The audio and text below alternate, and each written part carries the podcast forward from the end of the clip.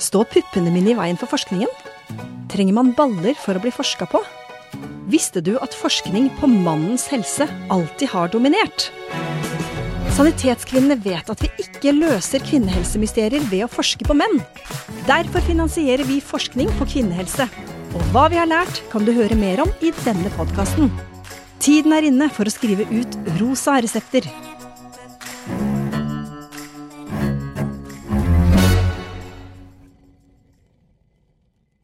I dag skal vi i Rosa resept snakke om noe veldig alvorlig, faktisk noe som mange mener er blodig alvorlig. Og med oss i studio så har vi Ane Løvereide fra Endometrioseforeningen, og så har vi med oss Guri Majak som jobber som overlege ved Oslo universitetssykehus. Og dette er da representanter som kan veldig mye om dette blodige alvoret som faktisk er endometriose.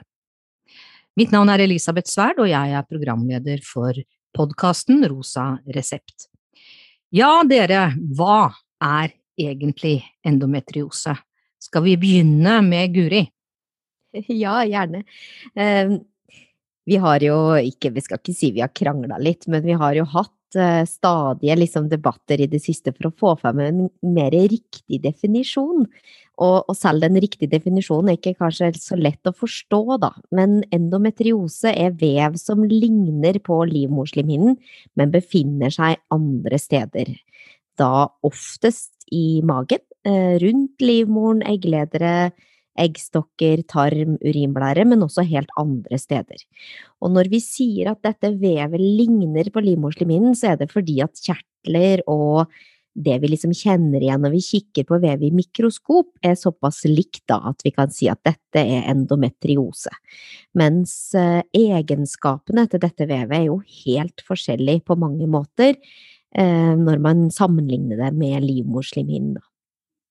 Er det derfor du da kaller det sånn livmorslimhinneaktig, da? På en måte at det ligner? Ja, og det er litt viktig å få fram at det er, det er likheter som gjør at vi kan stille diagnosen ved å kikke på vev i mikroskop, men det er også veldig store ulikheter i oppførsel. Og hvordan oppleves dette da, Ane? Det er veldig individuelt, vil jeg påstå. Altså, det kommer helt an på grad av eh, endometriose og hvordan kvinnen eh, opplever sykdommen. Så noen merker jo ikke noen symptomer eh, i det hele tatt og finner kanskje ut av dette først når de sliter med å unnfange. Mens andre er plaget av litt mer klassiske symptomer som f.eks. mye smerter, utmattelse, kanskje litt som blødningsforstyrrelser osv. Der har sikkert Guri veldig mye mer å komme med også, hvis man skal få litt mer faglig innsikt i det. Men det er i hvert fall veldig individuelt, da. Men blødningsforstyrrelser, det er på en måte kanskje noe av det mest vanligste symptomet, kanskje? Jeg tror kanskje smerter er noe av det vi anser som det vanligste. Og så er det mange som har uregelmessig mens, helt klart. Eller at man blør veldig mye, f.eks. Eh, eller spotter litt og sånt noe. Men jeg tror at smerter er vel det mest vanlige symptomet, da, at man får sånne sykliske smerter. Ja, eh, har du noe mer å si her, eh, Guri, i forhold til eh, mer medisinske symptomer? Nei, men det, det, er akkurat sånn som Ane sier. Nå har vi nettopp definert endometriose som vev som befinner seg utenfor livmoren. Og blødninger som vi opplever som menstruasjon eller spotting, sånn småblødninger innimellom når man skulle hatt menstruasjon, det kommer fra livmorhulen. Og der har vi egentlig per definisjon ikke endometriose. Vi kan ha eh, det som er eh, søsteren, eller hvordan vi skal kalle adenomyosen, da, men det finnes jo en betennelsestilstand i livmoren som hos mange også forekommer samtidig som at de har endometriose. Så det er nok, det er nok en av eh, forklaringene til at man har satt dette litt i sammenheng med blødningsforstyrrelser, men også det at endometriose hos unge jenter like etter at de har fått menstruasjon, kanskje før de fyller 20, ofte også er blanda med uregelmessige menstruasjoner. Men det er ikke sånn at de to tinga henger sammen nødvendigvis, men de opptrer samtidig. Så endometriose er, som Ane sier, mer et smerter som er hoved, hovedsymptomet. Eh, endometriosevevet skaper fryktelig mye betennelse rundt seg, og og gir smertefulle menstruasjoner, smertefulle eggløsninger hos noen, eh, smertefulle samleier, dype støt i skjeden, smertefull avføring, smertefull vannlating. Det er smerte, smerteproblematikk i stor grad. Og dette går naturligvis utover ikke bare liksom helsa di og, og, på en måte Dette er jo et svært livskvalitetsspørsmål også, ikke sant? Og dette tar vel egentlig ganske over på en måte livet ditt, dette her, Ane, gjør det ikke det? Jo, absolutt. Vi ser jo at uh, dette rammer veldig mange, og ikke bare de som har sykdommen, men også pårørende. Og det er jo mange som opplever plager allerede fra veldig tidlig alder. uh, som kan føre til at man faller utenfor skolen f.eks., eller sliter med å følge med, sliter med å få gode karakterer, eh, møte opp. Eh, det er også noe som påvirker folk på arbeidsplassen, at man sykemeldes i større grad. Og noen blir jo også langtidssykemeldte eller havner på uføretrygd. Så det er jo absolutt noe som påvirker ikke bare kvinnen selv, men også samfunnet rundt og alle de som er nærmest kvinnen. da. Mm. Og jeg tenker det tilbake igjen på en måte i mitt liv, så har jeg jo kjent jenter, for å si det sånn, som har vært borte fra skolen ikke sant, et par dager i hver måned. Jenter som ikke kunne være med på gym, og som på en måte var fraværende. Hvor lenge har vi visst om egentlig problemstillingen endometriose, da? Det er jo på en måte veldig mye rundt det nå, det er veldig mange som snakker om det.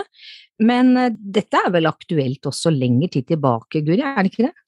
Jo, det tror jeg jo eh, Når vi ser på, på rapporter fra når man har gjort obduksjon av lik, da, eh, så har man jo funnet eh, endometrioseforandringer, og nå snakker vi liksom på tidlig 1900-tallet, så sykdommen har vært kjent lenge. Men det å få en diagnose og en anerkjennelse på hvor stor livspåvirkning dette kan ha, der er vi vel fortsatt ikke den dag i dag. Vi har gått en, en vei, jeg syns det skjer stadig nye gode ting hvert eneste år. Men eh, vi står jo på skuldrene av våre eh, mødre og bestemødre, som også svarer sånn som du, Elisabeth, at eh, oi, jeg har ikke visst at dette var en sykdom, jeg har ikke skjønt at dette var det hun hadde, eller jeg hadde. Eh, så det, dette er jo noe Når man kjenner kvinner, så kjenner man til denne sykdommen. Man bare har kanskje ikke visst at det er det. Men er det, når du sier det, eh, Guri, er det en arvelig komponent her? Altså du, går det liksom mor-datter? Ja, men ikke 100% selvfølgelig. Eh, men det er absolutt en arvelighet eh, som man ser når man gjør studier på tvillinger, for eksempel, og ser på da, som du sier, mor og datter. Så er det en genetikk i denne sykdommen som vi nå etter hvert begynner å kjenne mer og mer til. Så det er helt klart en arvelighet. I praktisk forstand så betyr det at eh, hvis din mor har hatt disse problemene og denne sykdommen, og du får de samme symptomene, så er det jo en større sannsynlighet for at du også har dette. For oss som jobber med tilstanden, så er vi jo kjempenysgjerrige på disse genene og får kunne vite mer om de, men også det som kalles epigenetikk, det vil si hva er det som skrur på disse genene? Fordi ingenting er 100% Så om du har genet, så betyr det ikke at du får sykdommen 100% sikkert, men det er noe eller annet sted i livet, kanskje til og med fra fosterlivet, men et eller annet sted i livet, så er det noe som gjør at disse genene skrus på, og så får du tilstanden. Så dette er en sykdom med så mange fasetter, men genetikken er absolutt noe som eh, det studeres eh, mye rundt, og som vi gleder oss til å få flere resultater på. Mm. For vi sier vel at det er en forekomst på én av ti kvinner, vel, gjør vi ikke det? Og at uh, utgangspunktet er da kvinner i fruktbar alder. Og det er mitt spørsmål da går til det med endometriose. Altså du kan jo leve med endometriose uten at du på en måte har noen symptomer, uten at du vet om det, og så plutselig så, så møter du det i form av at du ikke kan få barn. Uh, ikke sant? Og, og, så blir du utredet der. Men uh, kan man få endometriose senere i livet, liksom som kan oppstå av seg selv? Endometriose er en progressiv sykdom. Det vil si en sykdom den, den, debuterer liksom ikke med de største og dypeste forandringene, de har jo vokst seg fram over tid. Så det starter på ett sted, og så vokser det og får lov å vokse, og gjerne da under hormonpåvirkning og østrogen især, så vokser det og kan vokse seg til mye større forandringer i løpet av eh, de årene man har menstruasjon, da. Eh, men det starter ett sted, det gjør det. Så det, Mm. eh, i motsetning til eh, adenomyose, som vi har nevnt, som i kanskje større grad også knyttes litt opp mot inngrep på selve livmoren, eh, at det kan framprovosere sykdommen, så er endometriose noe jeg tror du eh, kanskje har, og har et genetisk anlegg for, og så er det noe som skrur på dette og lar det vevet få feste seg og begynne å vokse. Vi har jo tidligere snakket om adenomyose i denne podkastserien, eh, men jeg tror vi kanskje skal gjenta forskjellen, egentlig, for dette er jo to sykdommer, lidelser, som liksom er litt søstre, eh, på en måte. Og det ene handler om endometriose, og den andre handler om adenomyose, og den er vel relatert til livmoren, er den ikke det, Guri? Den er, den er relatert til livmoren utelukkende, egentlig, og i det så ligger det jo også at eh, den har en på en måte kur i det å fjerne livmoren, da, når det er aktuelt for den kvinnen som har sykdommen. Mens endometriose er en mye mer eh, spredt sykdom. Eh, begge har nok Altså adenomyose er jo noe som vi nå, først nå, egentlig de senere årene, har satt ordentlig fokus på. og etter hvert får mye god forskning på, men sånn som Ane sier, endometriose er en betennelsestilstand. Den har med seg mye annet òg, mye eh, fatigue, utmattelse, mye tarmproblematikk. Det er mye annet som følger den endometriosen, eh, som vi etter hvert også sikkert vil få mer kjennskap til, om også i like stor grad er knytta til adenomyose. Mm. Og da er det vel sånn, da, i og med, for vi snakker jo nå om en kronisk sykdom. Eh, Er det ikke slik da at eh, det finnes vel naturligvis mye flott å behandle endometriose med, jeg gjør det ikke det? Å, nå, nå hører du at jeg holder pusten. Ja. både, både ja og, og nei. Eh, den behandlingen vi har, rettes egentlig i tre retninger. Det er jo smertestillende, selvfølgelig, eh, men også smertelindring i form av hormonelle preparater. Eh, og årsaken til at vi velger å bruke hormonelle preparater, er jo fordi endometriose er et hormonelt vev. Det vokser under østrogenpåvirkning, sånn sier jeg det litt enkelt, og så, blekne det litt og, og dempe seg litt med eh, progesteron eller gestagenpåvirkning. Og det bruker vi da i de medikamentene vi gir. Og dette er jo typisk p-piller, hormonspiral, p-stav. Alle medikamenter som gjør at du ikke kan bli gravid samtidig. Så denne hormonelle behandlingen setter jo umiddelbart en begrensning i at du må slutte på den hvis du ønsker deg barn. Da blir jeg et sånt spørsmål i, i den greia der, fordi når kvinner da kommer i overgangsalder, da, så er, da slipper vi dette her da. Veldig mange syns at de får en symptomlindring når ikke de har sin egen hormonproduksjon, da. Eh, Men har du hatt en endometriosesykdom som har gitt sammenvoksninger og forandringer, så vil de fortsatt sitte der. Eh, Så du kan fint også ha plager eh, etter overgangsalder, og så er det jo kroppen finurlig da, vi blir jo ikke helt kvitt østrogenet vårt. Det, eh, det trenger vi jo også for mye annet, og det lages da etter overgangsalderen mer i fettvev.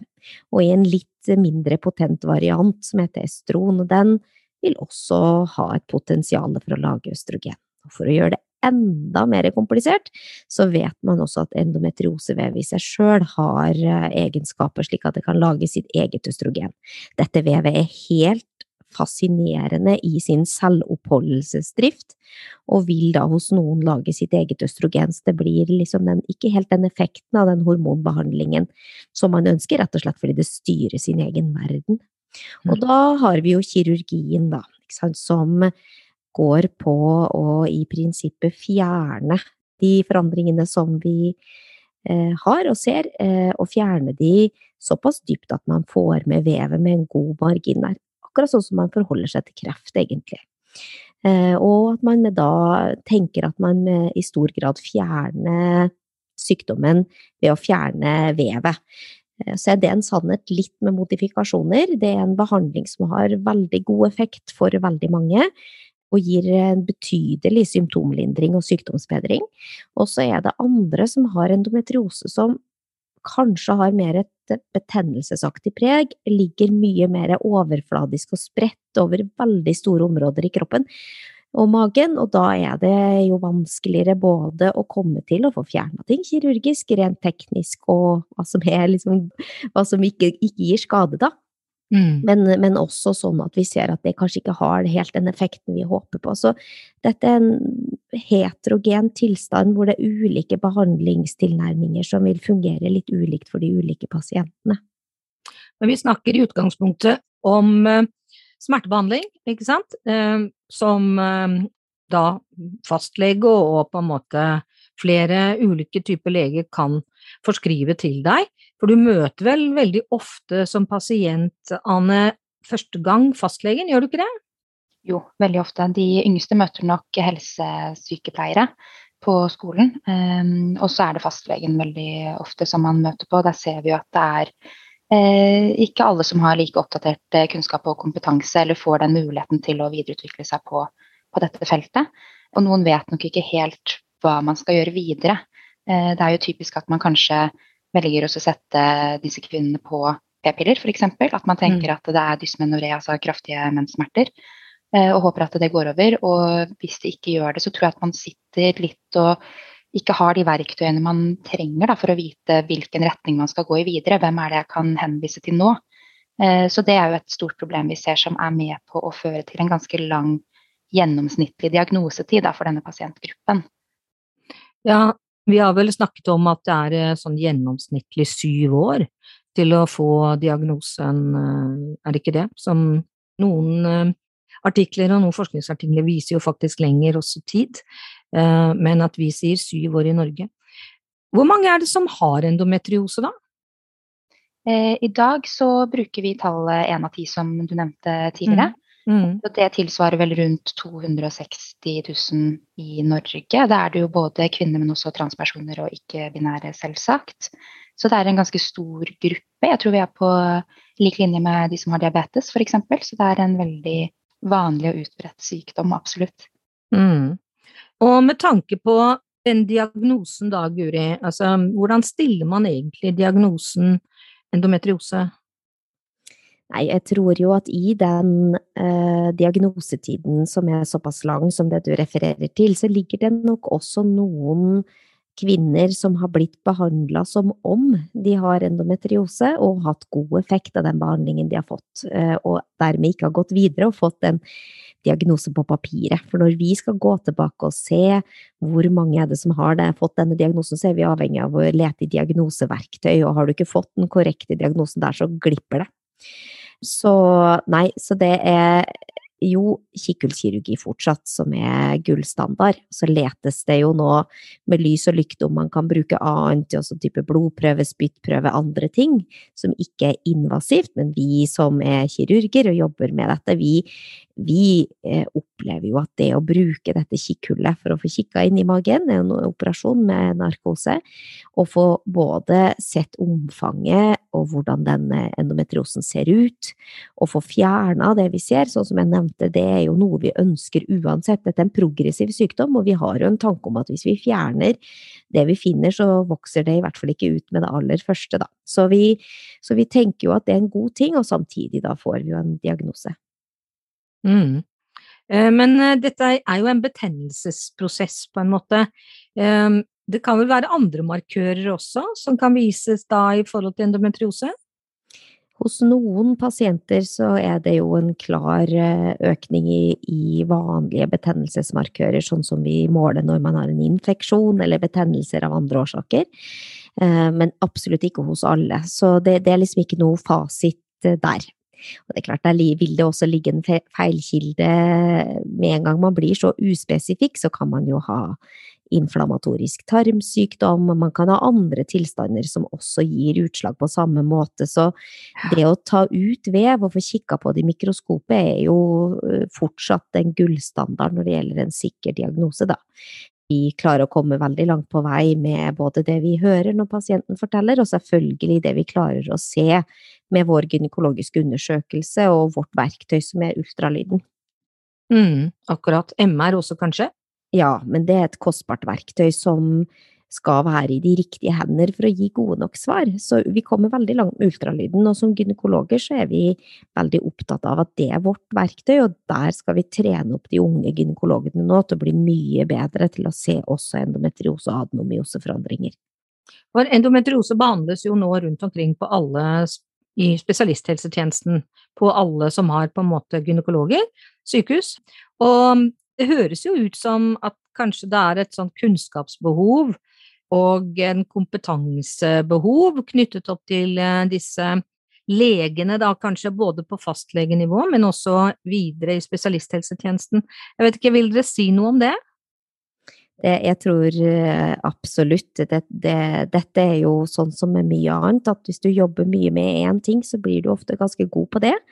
Og særlig de unge jentene har jo forandringer når man gjør da en kikkhullsoperasjon som er annerledes enn det du ser hos de som er mer voksne. Eh, så du skal være trent for å fange opp og se nyansene i alle typer av endometriosevev. Og det vi som er et utdanningssykehus og får unge leger fra hele landet inn til oss, ser jo at de står sammen med oss, og de ser ikke det vi ser. Og da så er det klart det går på, på, kirurgisk kompetanse også. Hvor trygg er du på å skrelle ut alle disse forandringene når de sitter over urinleder og nerver og etc. Så en kompetanseheving både i diagnostikk og behandling, det må, nå, det må til så lenge disse pasientene møter leger over hele landet. Så må alle ha klarere retningslinjer og en bedre opplæring. Og dette jobber vi vel med nå, alle vi som er her i studio i dag, fordi Helsedirektoratet har jo satt ned en arbeidsgruppe som skal se på tiltak knyttet opp til endometriose og adenomyose-pasientene.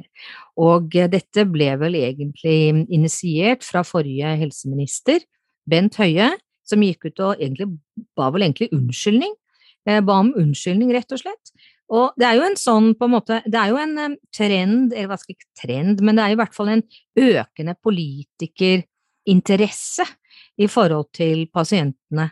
Og vi kan jo skule til, til Frankrike, eksempel Macron, som plutselig tok og løftet dette her helt uh, til topps. Og det er vel bra for saken, Ane?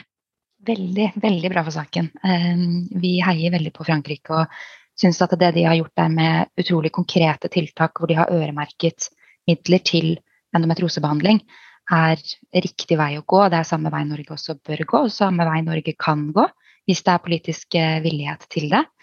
Ehm, men det er jo penger da, og midler som mangler.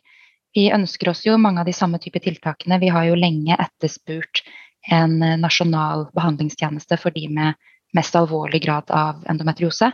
Og så har vi savnet en nasjonal kompetansetjeneste. Vi har jo ikke dette helt på plass enda.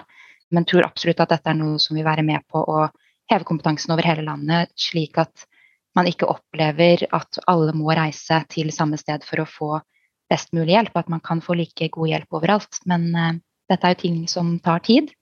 Men man må jo starte et sted, og vi tenker jo at det riktige stedet å starte er å legge lommeboka litt på bordet og være villig til å investere i kvinnehelse, da.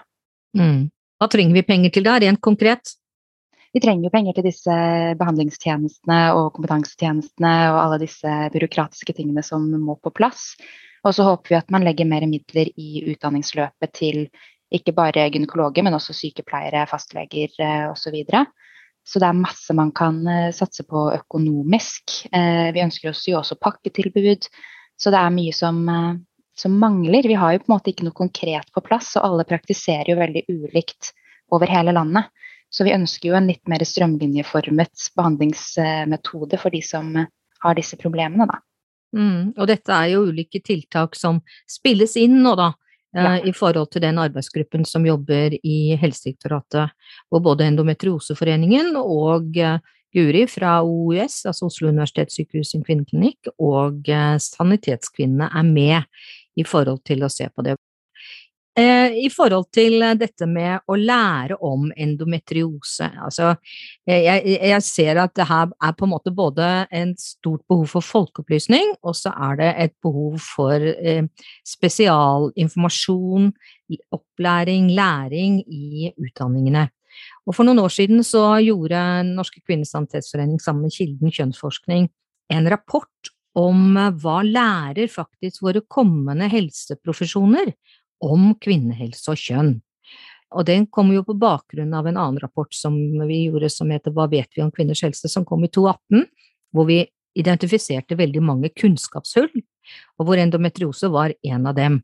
Eh, og så var vi veldig interessert i å, se hva er det leger, sykepleiere, fysioterapeuter, psykologer lærer om kjønn og kvinnehelse, og det var jo ganske bekymringsfullt. For det er vel ikke mange timer som går på endometriose i medisinerutdanningen, eh, tipper jeg, Guri? Nei, det er ikke det. Jeg tror det er 60 minutter, jeg. Ja. For de som skal bli leger. Eh, og som kan ende opp i alle mulige ulike spesialiteter senere, da, selvfølgelig inklusive det å være fastlege. Og så er det satt av litt tid i spesialistutdannelsen i gynekologi, men også der eh, lite. Og jeg opplever jo at eh, det er en stor, eh, stor, interesse for dette. Det er veldig mange som ønsker å bli mye bedre, de ønsker å kunne mer. Og jeg tror det, det henger jo sammen med et ønske om å kunne møte pasienten med en plan, og ta, ivareta det som pasienten kommer med. Jeg tror mange kanskje blir avvist i dag, kanskje også fordi legene føler at de ikke kan, ikke vet, ikke eh, Og da er det lett å si at dette er jo bare menssmerter, eller ikke sette opp til en kontrollavtale, eller du vet ikke kanskje hvorfor gir du p-piller for dette, hva ønsker du å oppnå med det? Eh, så det, det, det er for lite kunnskap som jeg tror reflekteres i det som vi kaller gaslighting, altså at pasientene faktisk sitter igjen med en følelse av at det er noe galt med de. Det er ikke sykdommen som gir symptomene, men det er de som ikke tåler det alle andre tåler, eller ja. Så, så jeg tror at ved å øke kompetanse og, og øke eh, Gi tydeligere retningslinjer, så gjør vi mye, da, for pasientene, men også for helsepersonellet som skal møte dem. Mm. Jeg synes det er jo veldig flott um, og, og, eh, positivt det du sier nå, at det er en interesse for, um, eh, for problemstillingene rundt endometriose.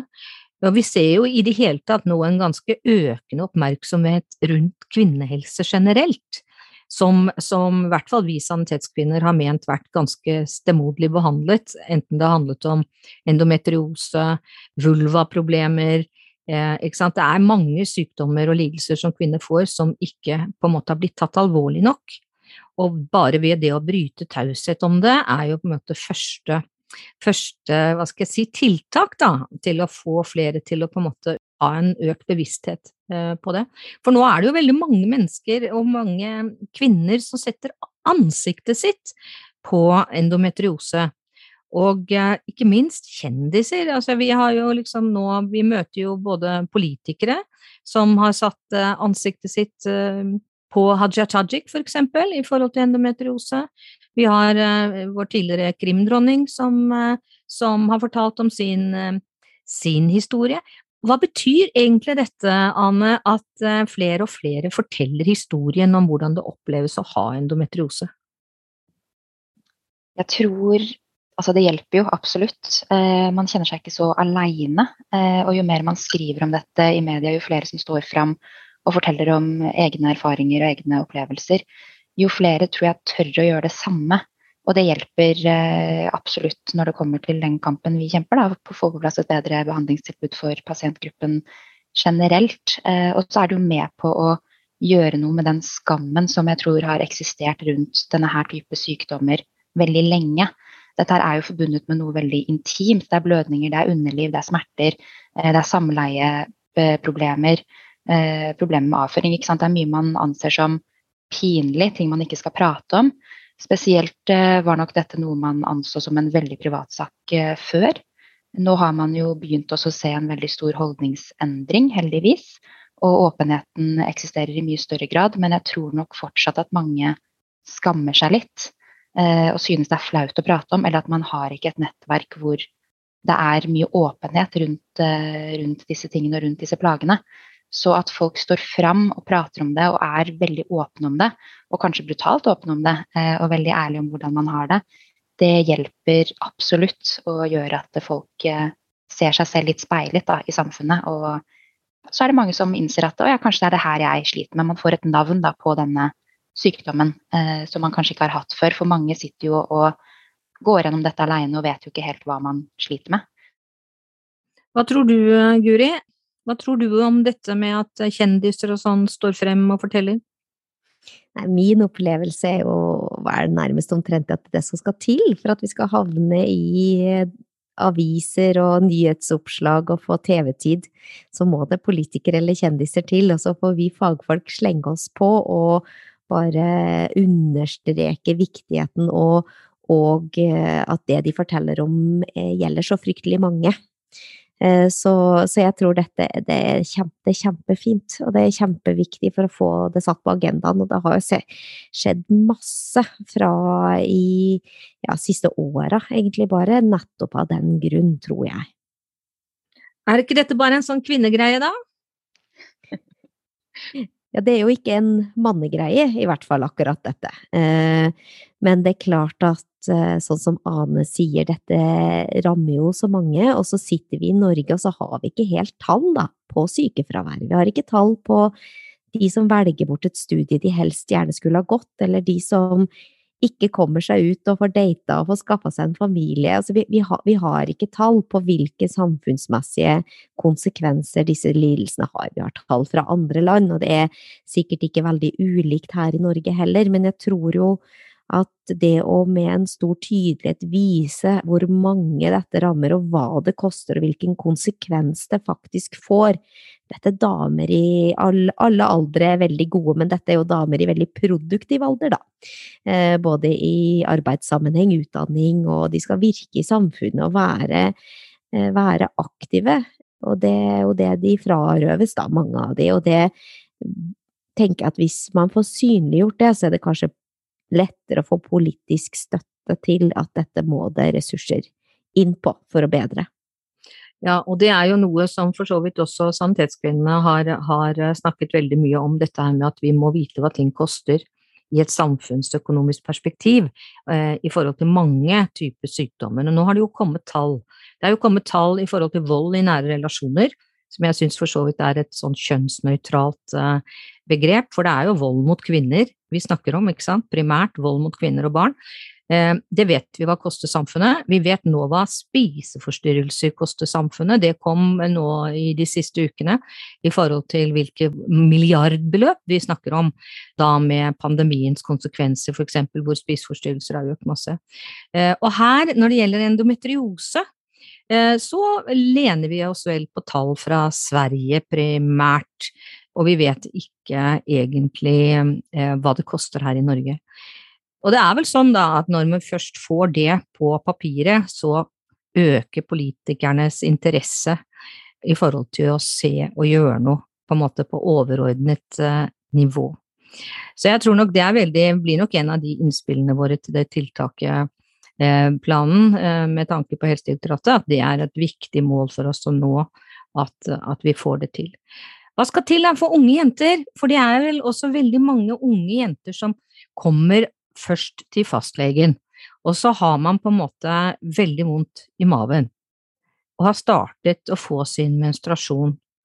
Så forteller vi mamma om dette, og så sier mamma ja, men sånn har det alltid vært i vår familie alle kvinner i vår familie. Jeg hadde det sånn, og min mor hadde det sånn, og dette, er, dette må du bare tåle.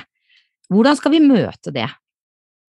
Akkurat det med de yngste jentene, så er det jo sånn at uh, veldig, veldig mange, når du spør, rapporterer en høy smerteskår under menstruasjon, de første kanskje én til to dager.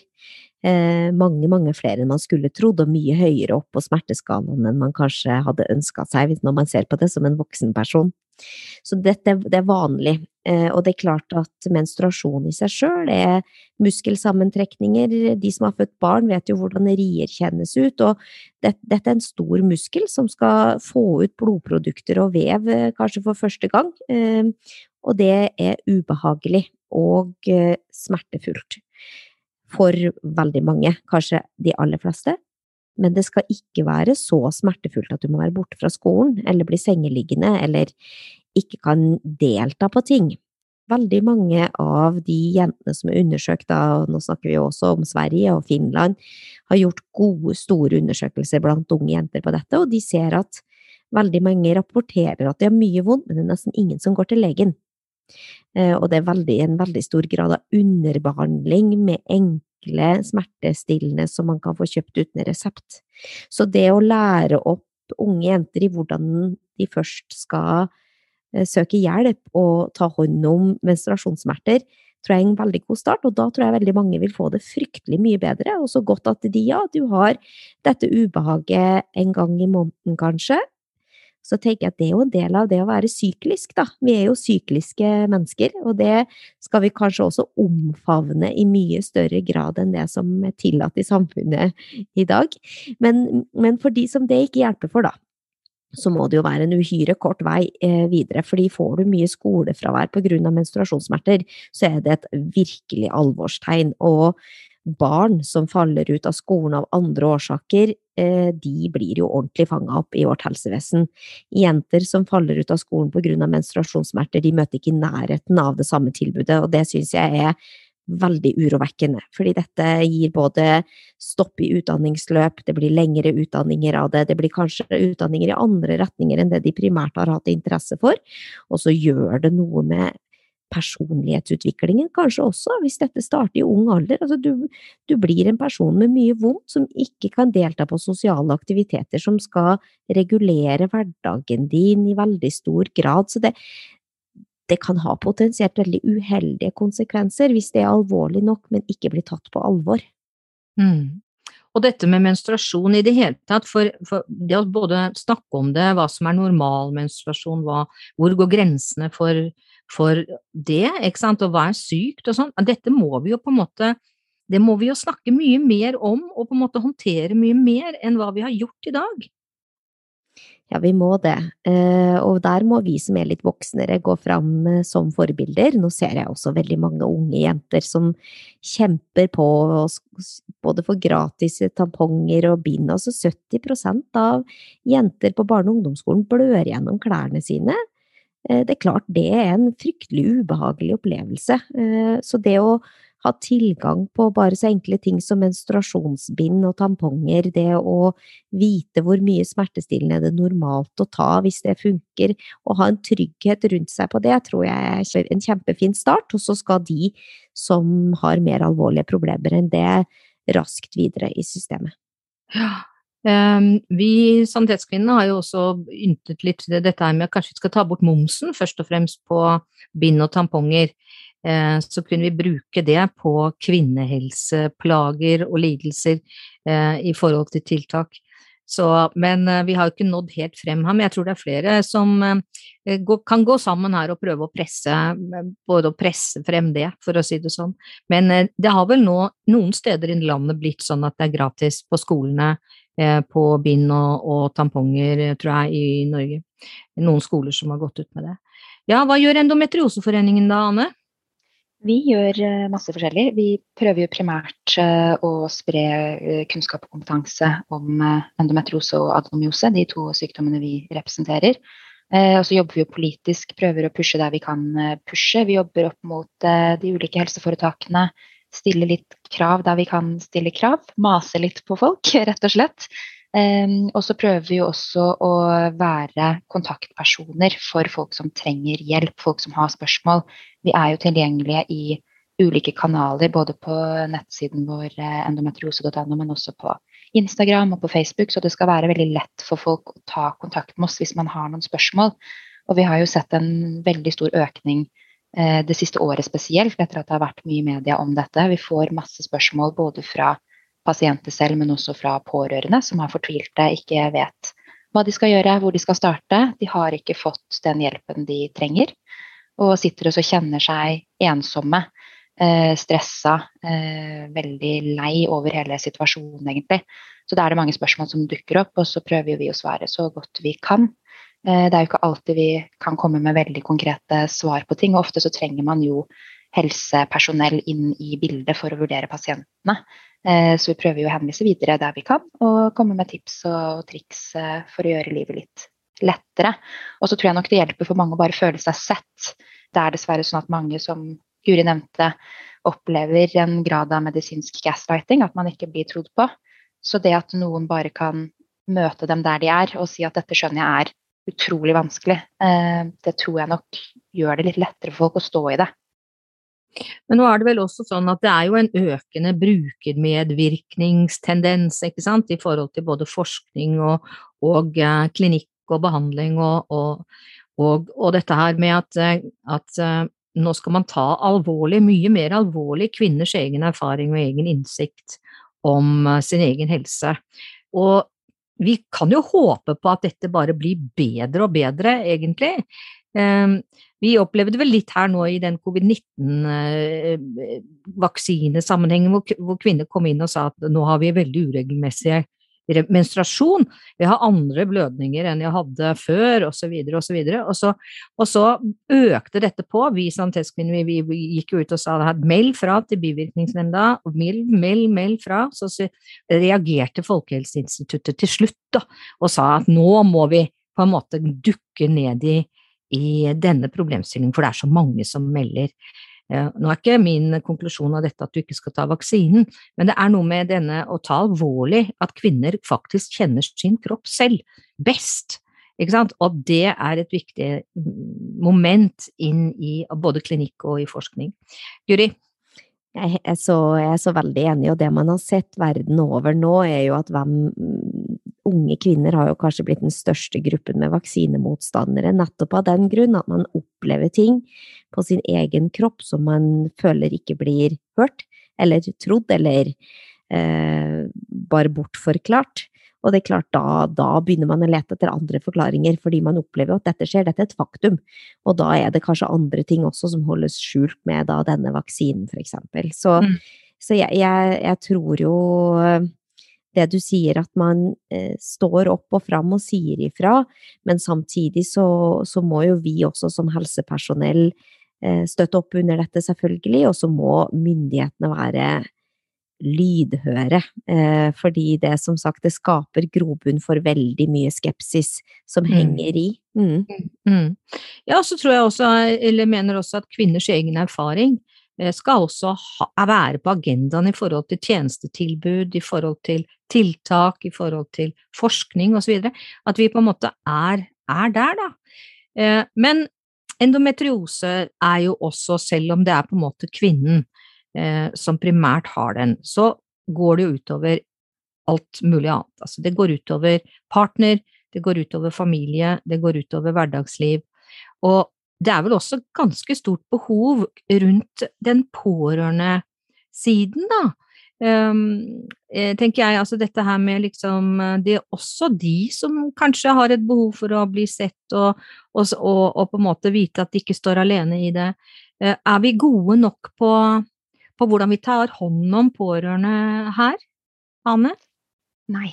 Uh, nei, det er vi absolutt ikke. Vi ser at der er det et, et kjempestort Eh, det er en kjempestor mangel på, på akkurat de pårørende. Eh, og så er det viktig å huske at eh, partner er jo primært pårørende for veldig mange, men det er jo også veldig mange andre som er pårørende. Vi har jo foreldre som pårørende, og vi har barn som pårørende. Og det er en utrolig krevende situasjon, spesielt kanskje for barn, å være pårørende til en kronisk syk forelder. Um, og også syke foreldre som ikke har fått en diagnose, kanskje, som ikke har fått riktig helsehjelp. Eh, så det er veldig mye man trenger å få på plass eh, når det kommer til de pårørende. De trenger verktøy, de også, som gjør at de kan leve godt med eh, en person som har endometriose eller adenomyose. Som gjør at de kan hjelpe personen. Jeg tror at mange føler seg nok hjelpeløse i den situasjonen. Man vet ikke helt hvor man skal starte. Folk henter jo varmeflasker eller henter smertestillende og prøver å gi rom for at personen kan være dårlig. Men så er det på en måte det man har da, av verktøy. Så man vet ikke helt eh, hva man skal gjøre. Det er en sånn slags fortvilelse rundt eh, det hele som må utbedres eh, veldig. Så vi håper på mer satsing på de pårørende også, at vi kan utarbeide brosjyrer for dem, at man kan få på plass informasjonsmateriell, at vi kan undersøke den gruppen også. Eh, hva er det som skjer med den gruppen? Hvor ofte må f.eks. For foreldre ta seg fri for å følge barna til eh, gynekologen eller til eh, til fastlegen. Mm. Eh, er det sånn at barn som er pårørende, opplever stress rundt dette, opplever angst rundt dette, utvikler noen plager med tanke på at mamma kanskje er veldig mye syk? Det er veldig mye vi ikke vet da, når det kommer til de pårørende, som jeg tror hadde vært verdifullt for samfunnet å vite mer om. Mm. Men dere driver i endometrios Endometrioseforeningen, så likepersonstjeneste, det har dere, ikke sant? Det stemmer. Vi har en, en likepersonstjeneste. Den er jo eh, ikke så stor som vi skulle ønske at den var. Nå har det vært mye korona og eh, pandemi og vansker å, når det kommer til å møtes. Å utvikle den tjenesten. Vi skal snart i gang med en ny kursing, men vi opplever jo at det er en, en mangel på folk som ønsker å melde seg, så vi skal prøve å pushe mer på å få folk til å bli interessert i å bli likepersoner hos oss. Så da er man egentlig bare en, en person som har tatt et kurs, og som kan være tilgjengelig eh, for samtaler. Eh, være en støttende part da, eh, når man møter både pårørende og pasienter, egentlig. Så vi håper jo virkelig få løfta den tjenesten i løpet av de kommende årene. For vi ser jo at i takt med at vi vokser, så har vi også behov for mange flere like personer som gjør en enormt viktig, men krevende jobb hos oss. Mm. Men dere blir hørt, gjør dere ikke det? Tja, hørt av, hørt av hvem, er vel kanskje spørsmålet. eh, jo, altså vi, vi, opplever mer gehør, det gjør vi absolutt eh, om dagen. Og vi ser jo at vi er mer ettertraktet enn det vi noen gang har vært, som er supergøy eh, også å se. Vi blir jo invitert på flere podcaster f.eks., eller på arrangementer. Eh, men så er det liksom Det kommer til et punkt da, hvor man ikke kanskje blir hørt lenger. Jeg tror eh, vi har kommet et sted i samfunnet hvor folk syns det er interessant å snakke om kvinnehelse. Det er mer åpenhet eh, rundt kvinnehelse. Men når vi ber om spesifikke ting og konkrete tiltak, så er det ikke alltid vi blir hørt. Så det er jo veldig spennende å se hva vi kommer fram til nå i denne arbeidsgruppen eh, som vi sitter sammen i, i Helsedirektoratet, Elisabeth. Se litt hva som, eh, hva som, kommer på bordet der. Og er vi ikke fornøyde når det blir lagt fram, så kommer vi til å stille krav. Og virkelig kreve vår rett. Vi mener at det skal komme noe konkret nå. Det er på høy tid. Mm. Hva tror du, Guri? Ja, jeg, jeg, har jo eh, Nå er jeg en evig optimist, da, men jeg har jo en følelse av at vi har en politisk vilje bak oss. Eh, I hvert fall hadde vi det med den forrige helseministeren, og jeg håper jo at Kjerkol er i stand til å følge opp dette på en god måte. For det er egentlig lagt noen underforståtte lovnader med den arbeidsgruppen som er oppretta, og jeg Eh, vi kommer ikke til å be om ting som ikke koster noe. Det kommer til å koste noe. Og det må det bare være en politisk vilje til å få til. Eh, så må vi bare argumentere godt da, i den gruppen for hva vi ønsker oss, og hva, hva vi tror det vil koste også, så det er helt oppe i dagen. Det er jo mange ildsjeler i dette landet, eh, både fagpersoner og ikke-fagpersoner, og de jobber mye både på fritida si og utover, og det er veldig bra, men det er jo ikke nok. Det må, det må, på en måte øremerkes ressurser for å få kompetansespredning ut i hele landet, eh, for å få på plass kursing, for å få på plass et register. Alt dette må det settes av ressurser til, sånn at det blir gjort godt og ordentlig. Eh, og som vi ser at eh, det er jo dette andre land har gjort, og det er jo lov å sammenligne seg litt og si at dette, dette, dette, har blitt gjort i andre land. Det er klart at vi, vi bør ha noe av det samme. Ja, fordi dere har jo sagt dette rundt behov for en nasjonal kunnskap, kompetanse og behandlingstjeneste for de som er avansert endometriosepasienter, da, de som trenger spesialistkompetanse i mye sterkere grad. Da er det jo liksom litt rart da, at vi i Norge ikke har det, og så har de fire sånne sentra i Sverige. Hva er grunnen til at ikke vi har? Det aner meg på en måte både faglige interessekonflikter her, men også kanskje litt sånn politikerfravikelse i forhold til ansvar det er jo en, en sterk distriktspolitikk i Norge som, som, Nå snakker jeg ikke om endometriose spesielt, men generelt så er det veldig tungt å sentralisere tjenester. Det skal tunge argumenter til for å sentralisere tjenester. Eh, og så tror jeg jo, eh, og der skal jeg jo være veldig ærlig og si at jeg tror ikke alle vet helt hva vi driver med. Jeg tror ikke de vet hvor avansert kirurgi vi gjør. Jeg tror ikke vi, de vet hvor mange timer og år og utdanning som skal til for å bli en kirurg i et tverrfaglig team som håndterer, nå snakker jeg om kirurgien, av disse pasientene. Og det, når man ikke vet hva, hvordan sykdommen egentlig ser ut, og hva som kan gjøres eh, og er teknisk mulig med, med lite risiko for pasienten, så har man kanskje heller ikke det bevisst eh, nok til at man kan støtte en sånn sentralisering. Så det, dette har vært alle år og diskusjoner fram til nå vist at må styres politisk. Så lenge ikke helseforetakene klarer å lande en modell hvor man blir enig, så, så, må det en politisk styring til og en vilje til å se om noe, skal noe sentraliseres av behandling. Eh, og så tror jeg vi snakker jo mange mangler når det gjelder endometriose, adenomyose og behandlingstilbud, og én ting er den generaliserte kompetansehevingen, kursingen, nasjonale registre. Eh, det kan jo dekkes av eh, f.eks. en nasjonal kompetansetjeneste, og, og, også nasjonale retningslinjer som vil være førende overfor Helfo i forhold til å få dekning på blå resept etc. Mm. Eh, mens en, behandlingstjenester som går direkte på kirurgisk behandling, der, eh, der har det vært søkt i flere runder de seneste ti åra, og vi har data fra Norsk pasientregister på hvem som gjør denne type kirurgi, og likevel så får vi ikke landa noen god ordning, og det, det sier vel sitt at det må noen til bare å beslutte. Mm. Mm. Og så skyver man pasientene foran seg eh, hele tiden.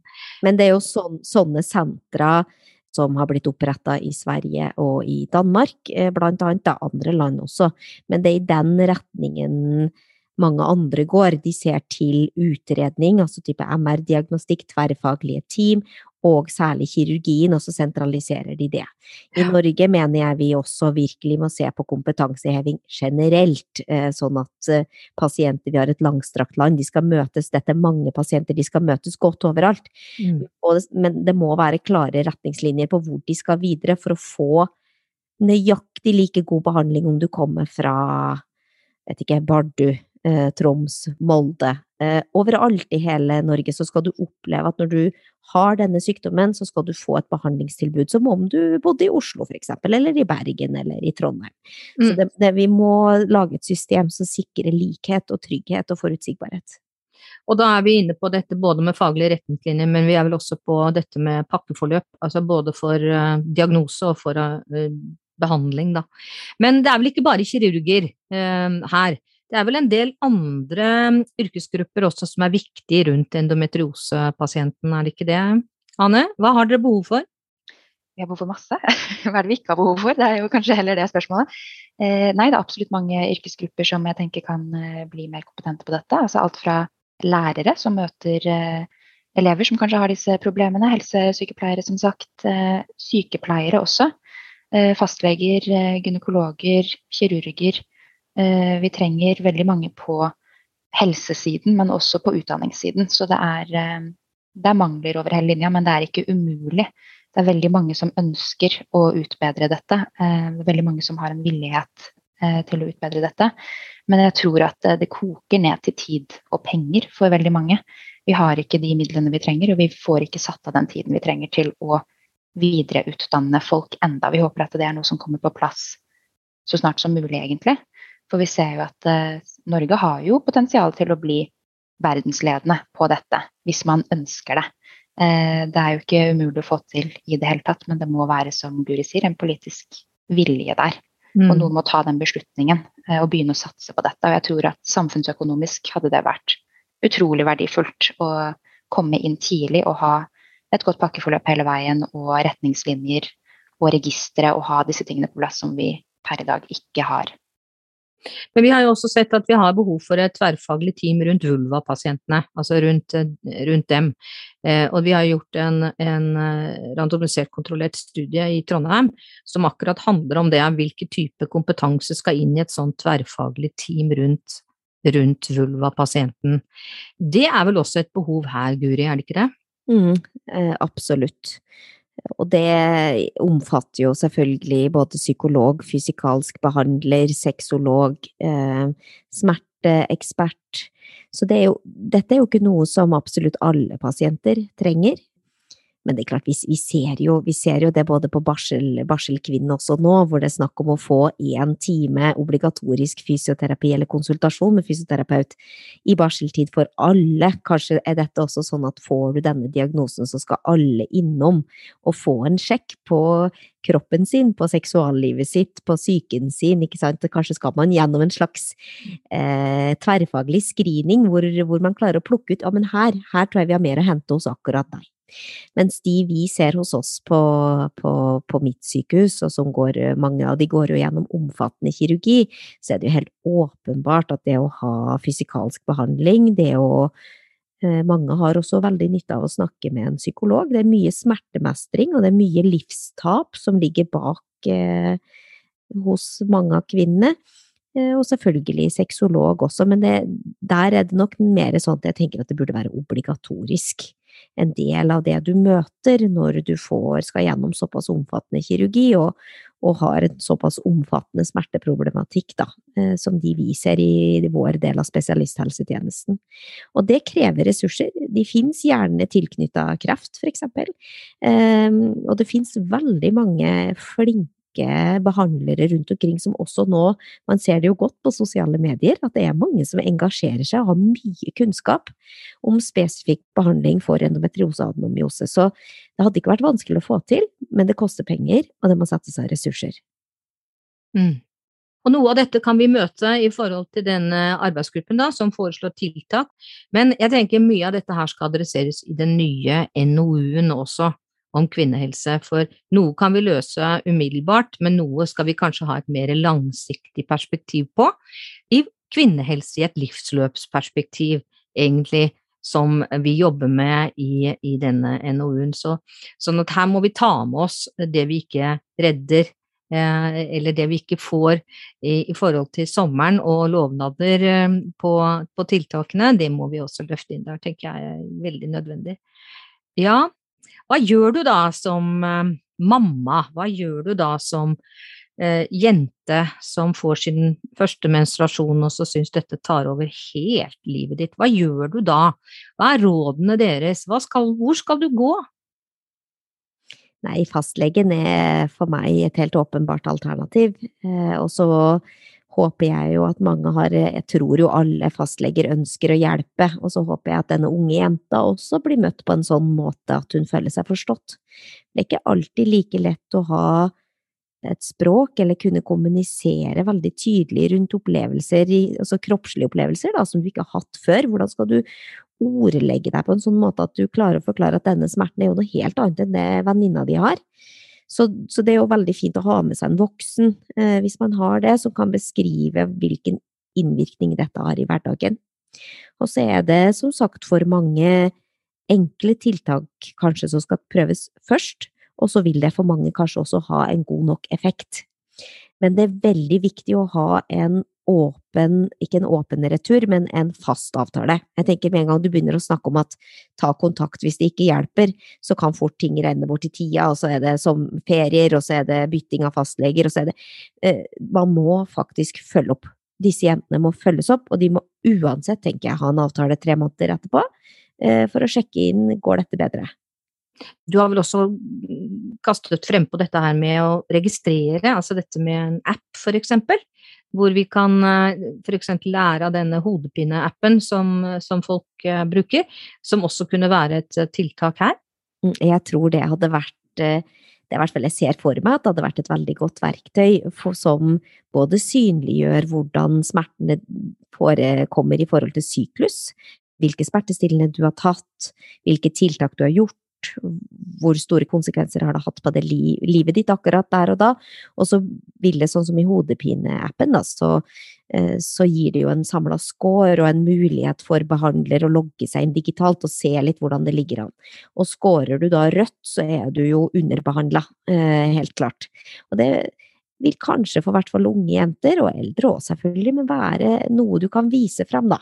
Jeg scorer rødt og scora rødt de siste tre månedene, fire månedene, seks månedene, siste året. Eh, selv om jeg har gjort dette og dette og dette, så, blir det kanskje også noe objektivt. Smerte er jo også subjektivt, og det er kanskje noe eh, der som gjør det så innmari vanskelig. Og hvis man kan objektivisere det mer i hvilken konsekvens det har, hvilke tiltak som er gjort og hva det gjør, så er det kanskje lettere å få litt fortgang i ting, da.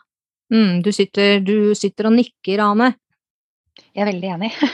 Jeg veldig enig. Det, det, er veldig gode poenger man kommer med her. og jeg tenker også at det er verdt å nevne at smerte syns jo ikke. Det er ingen som kan se på deg hvor vondt du har det. Det er noe du kjenner på innsiden. og Derfor er det jo veldig vanskelig for folk å, å beskrive hvordan det oppleves. Det er jo bare du som kan kjenne på dine egne smerter. Og jeg tror for unge jenter er det spesielt vanskelig. De mangler språket.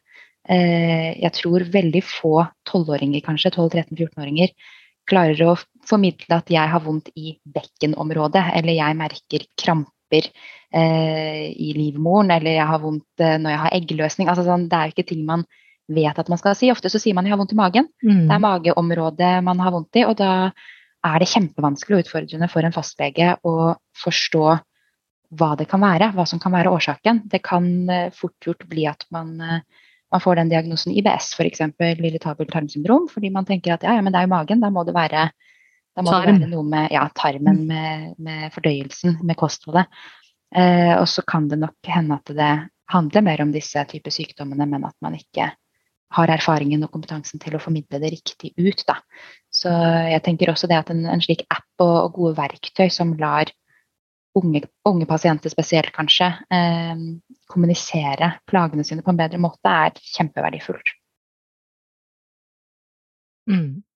Og naturligvis når det gjelder endometriose, adenomyose, vulvaproblematikk osv., så, videre, så forskes det jo enormt på dette området her, gjør det ikke det, Guri? Jo, jo, da, du kan si at hvis du søker på PubMed, så får du jo opp ganske mange treff, altså.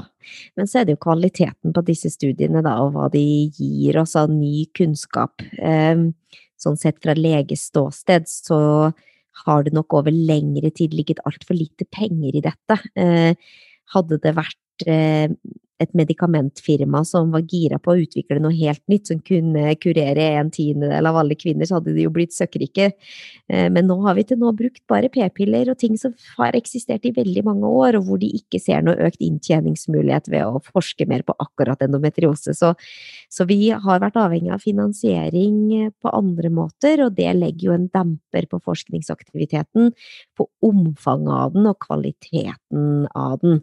Så, så der Altså, vi har jo nobelpris i medisinsk forskning i Norge. Vi, vi har så mye kompetanse på genetikk, epigenetikk, eh, vev. Vi, vi, forsker jo på hormonelt vev når det gjelder brystkreft, for eksempel. Altså, vi har så mye tverrfaglig kompetanse som vi kunne brukt. Nå snakker jeg bare om vårt land, da. Eh, det er klart at vi kunne ha løfta dette på et nivå hvor vi begynner å snakke andre behandlingsmetoder, andre innfallsvinkler, mye bedre forståelse av sykdommens eh, heterogenisitet, at den er så ulik hos de den rammer.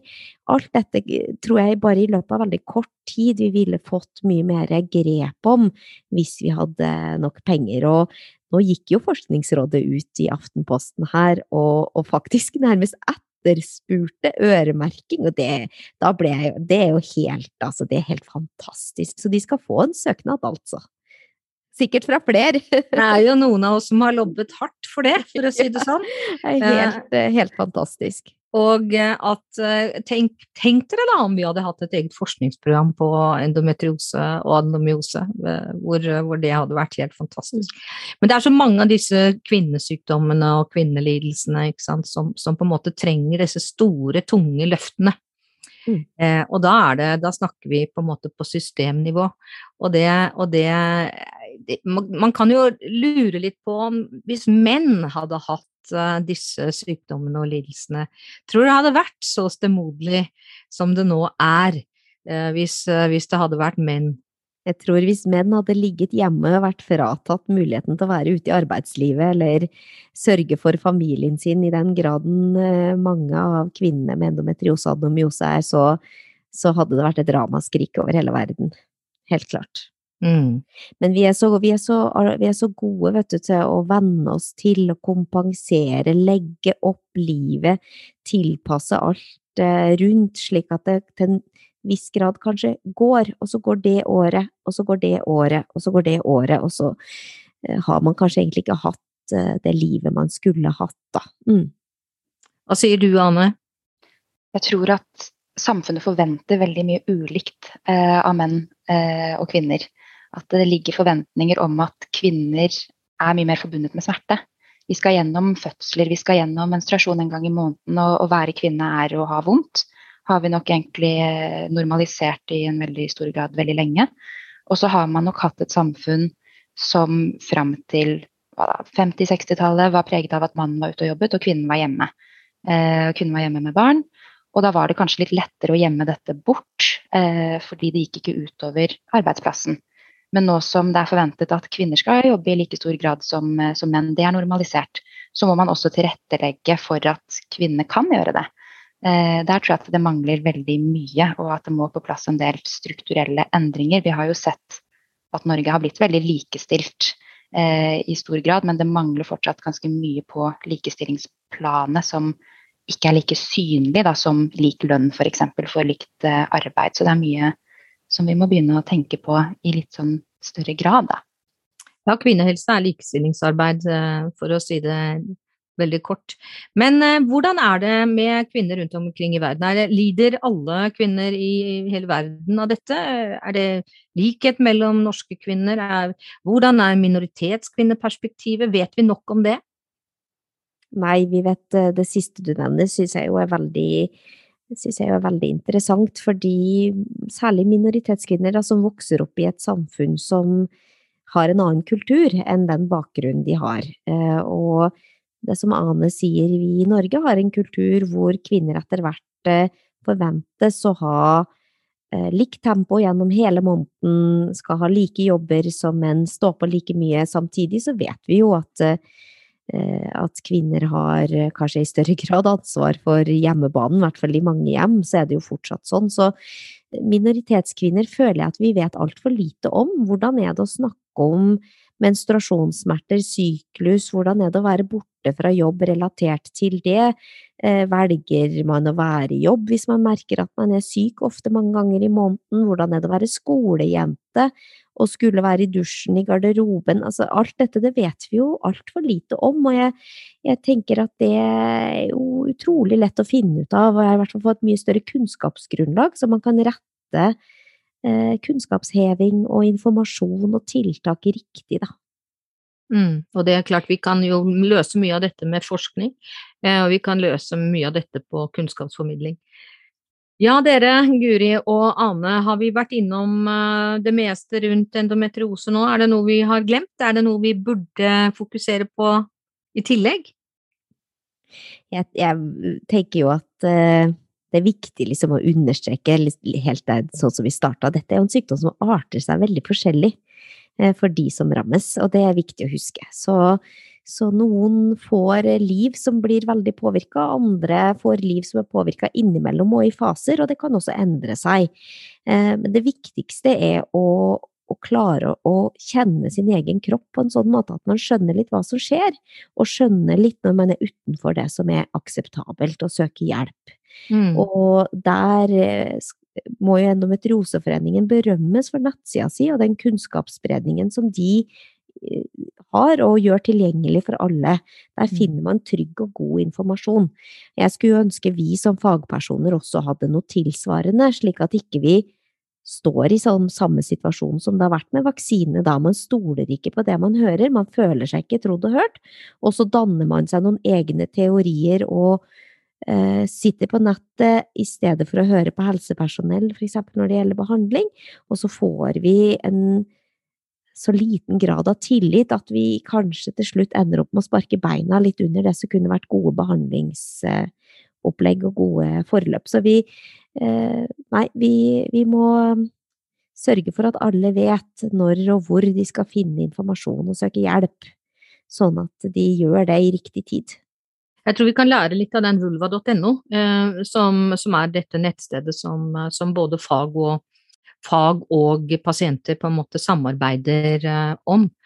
Eh, som kan være kanskje en sånt innspill på det. Men jeg har lyst til å um, um, ta opp én liten sak, og det er um, dette med endometriose. Er det farlig?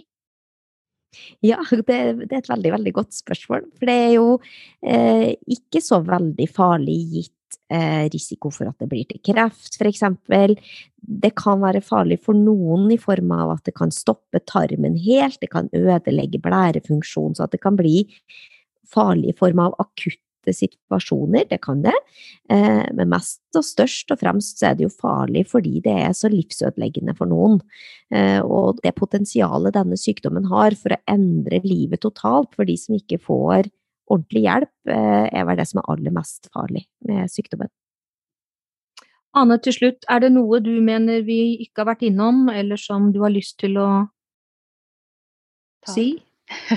Ta opp. Altså, det her er jo et tema man får helt eh, vann på mølla. Man kan jo snakke om dette i en evighet. En time er ikke nok, på en måte. Eh, men nei, jeg tenker at noe av det viktigste vi ønsker å formidle spesielt mot unge kvinner, er at vi må på en måte få bukt litt med den myten om at mensen skal være vondt. Eh, mensen kan være ubehagelig. eh, Og mensen kan påvirke deg i en viss grad, men mensen skal ikke være ekstremt smertefullt. Skal ikke, du skal ikke gå rundt og kjenne på masse smerte. Eh, Men det er nok en, en av de mytene som man har hatt veldig lenge, at det, det er helt vanlig at det skal være veldig vondt å ha mensen. Og det håper vi jo at, at flere slutter å si. Vi må bare slutte å si at mensen skal være vondt, og heller lytte til de unge jentene eh, og spørre de riktige spørsmålene. Eh, og grave litt og, og bli litt mer kjent med individets smerte, da. For da kan man jo heller se på det på eh, en mer objektiv måte. Og det tenker jeg er ganske viktig for oss å si. Da, at vi må bare Jeg syns vi bare skal slutte å si at mensen skal være vondt. at det kan være ubehagelig, men ikke drive oss og ja, eh, snakke om at det skal være så smertefullt. Da tenker jeg at det er eh, det siste vi snakker om eh, i denne samtalen her i dag. Og tusen hjertelig takk til Ane Løvereide og til Guri Majak for eh, samtalen om endometriose. I 125 år har Sanitetskvinnene jobbet for å bedre kvinners helse og livsvilkår, og står for en av Norges største satsinger på kvinnehelseforskning. Du finner Rosa resept der hvor du lytter på podkast og i sosiale medier. Lenkene finner du i episodebeskrivelsen. Følg oss videre på veien mot likestilte helsetjenester. Nye rosa resepter skrives ut fortløpende.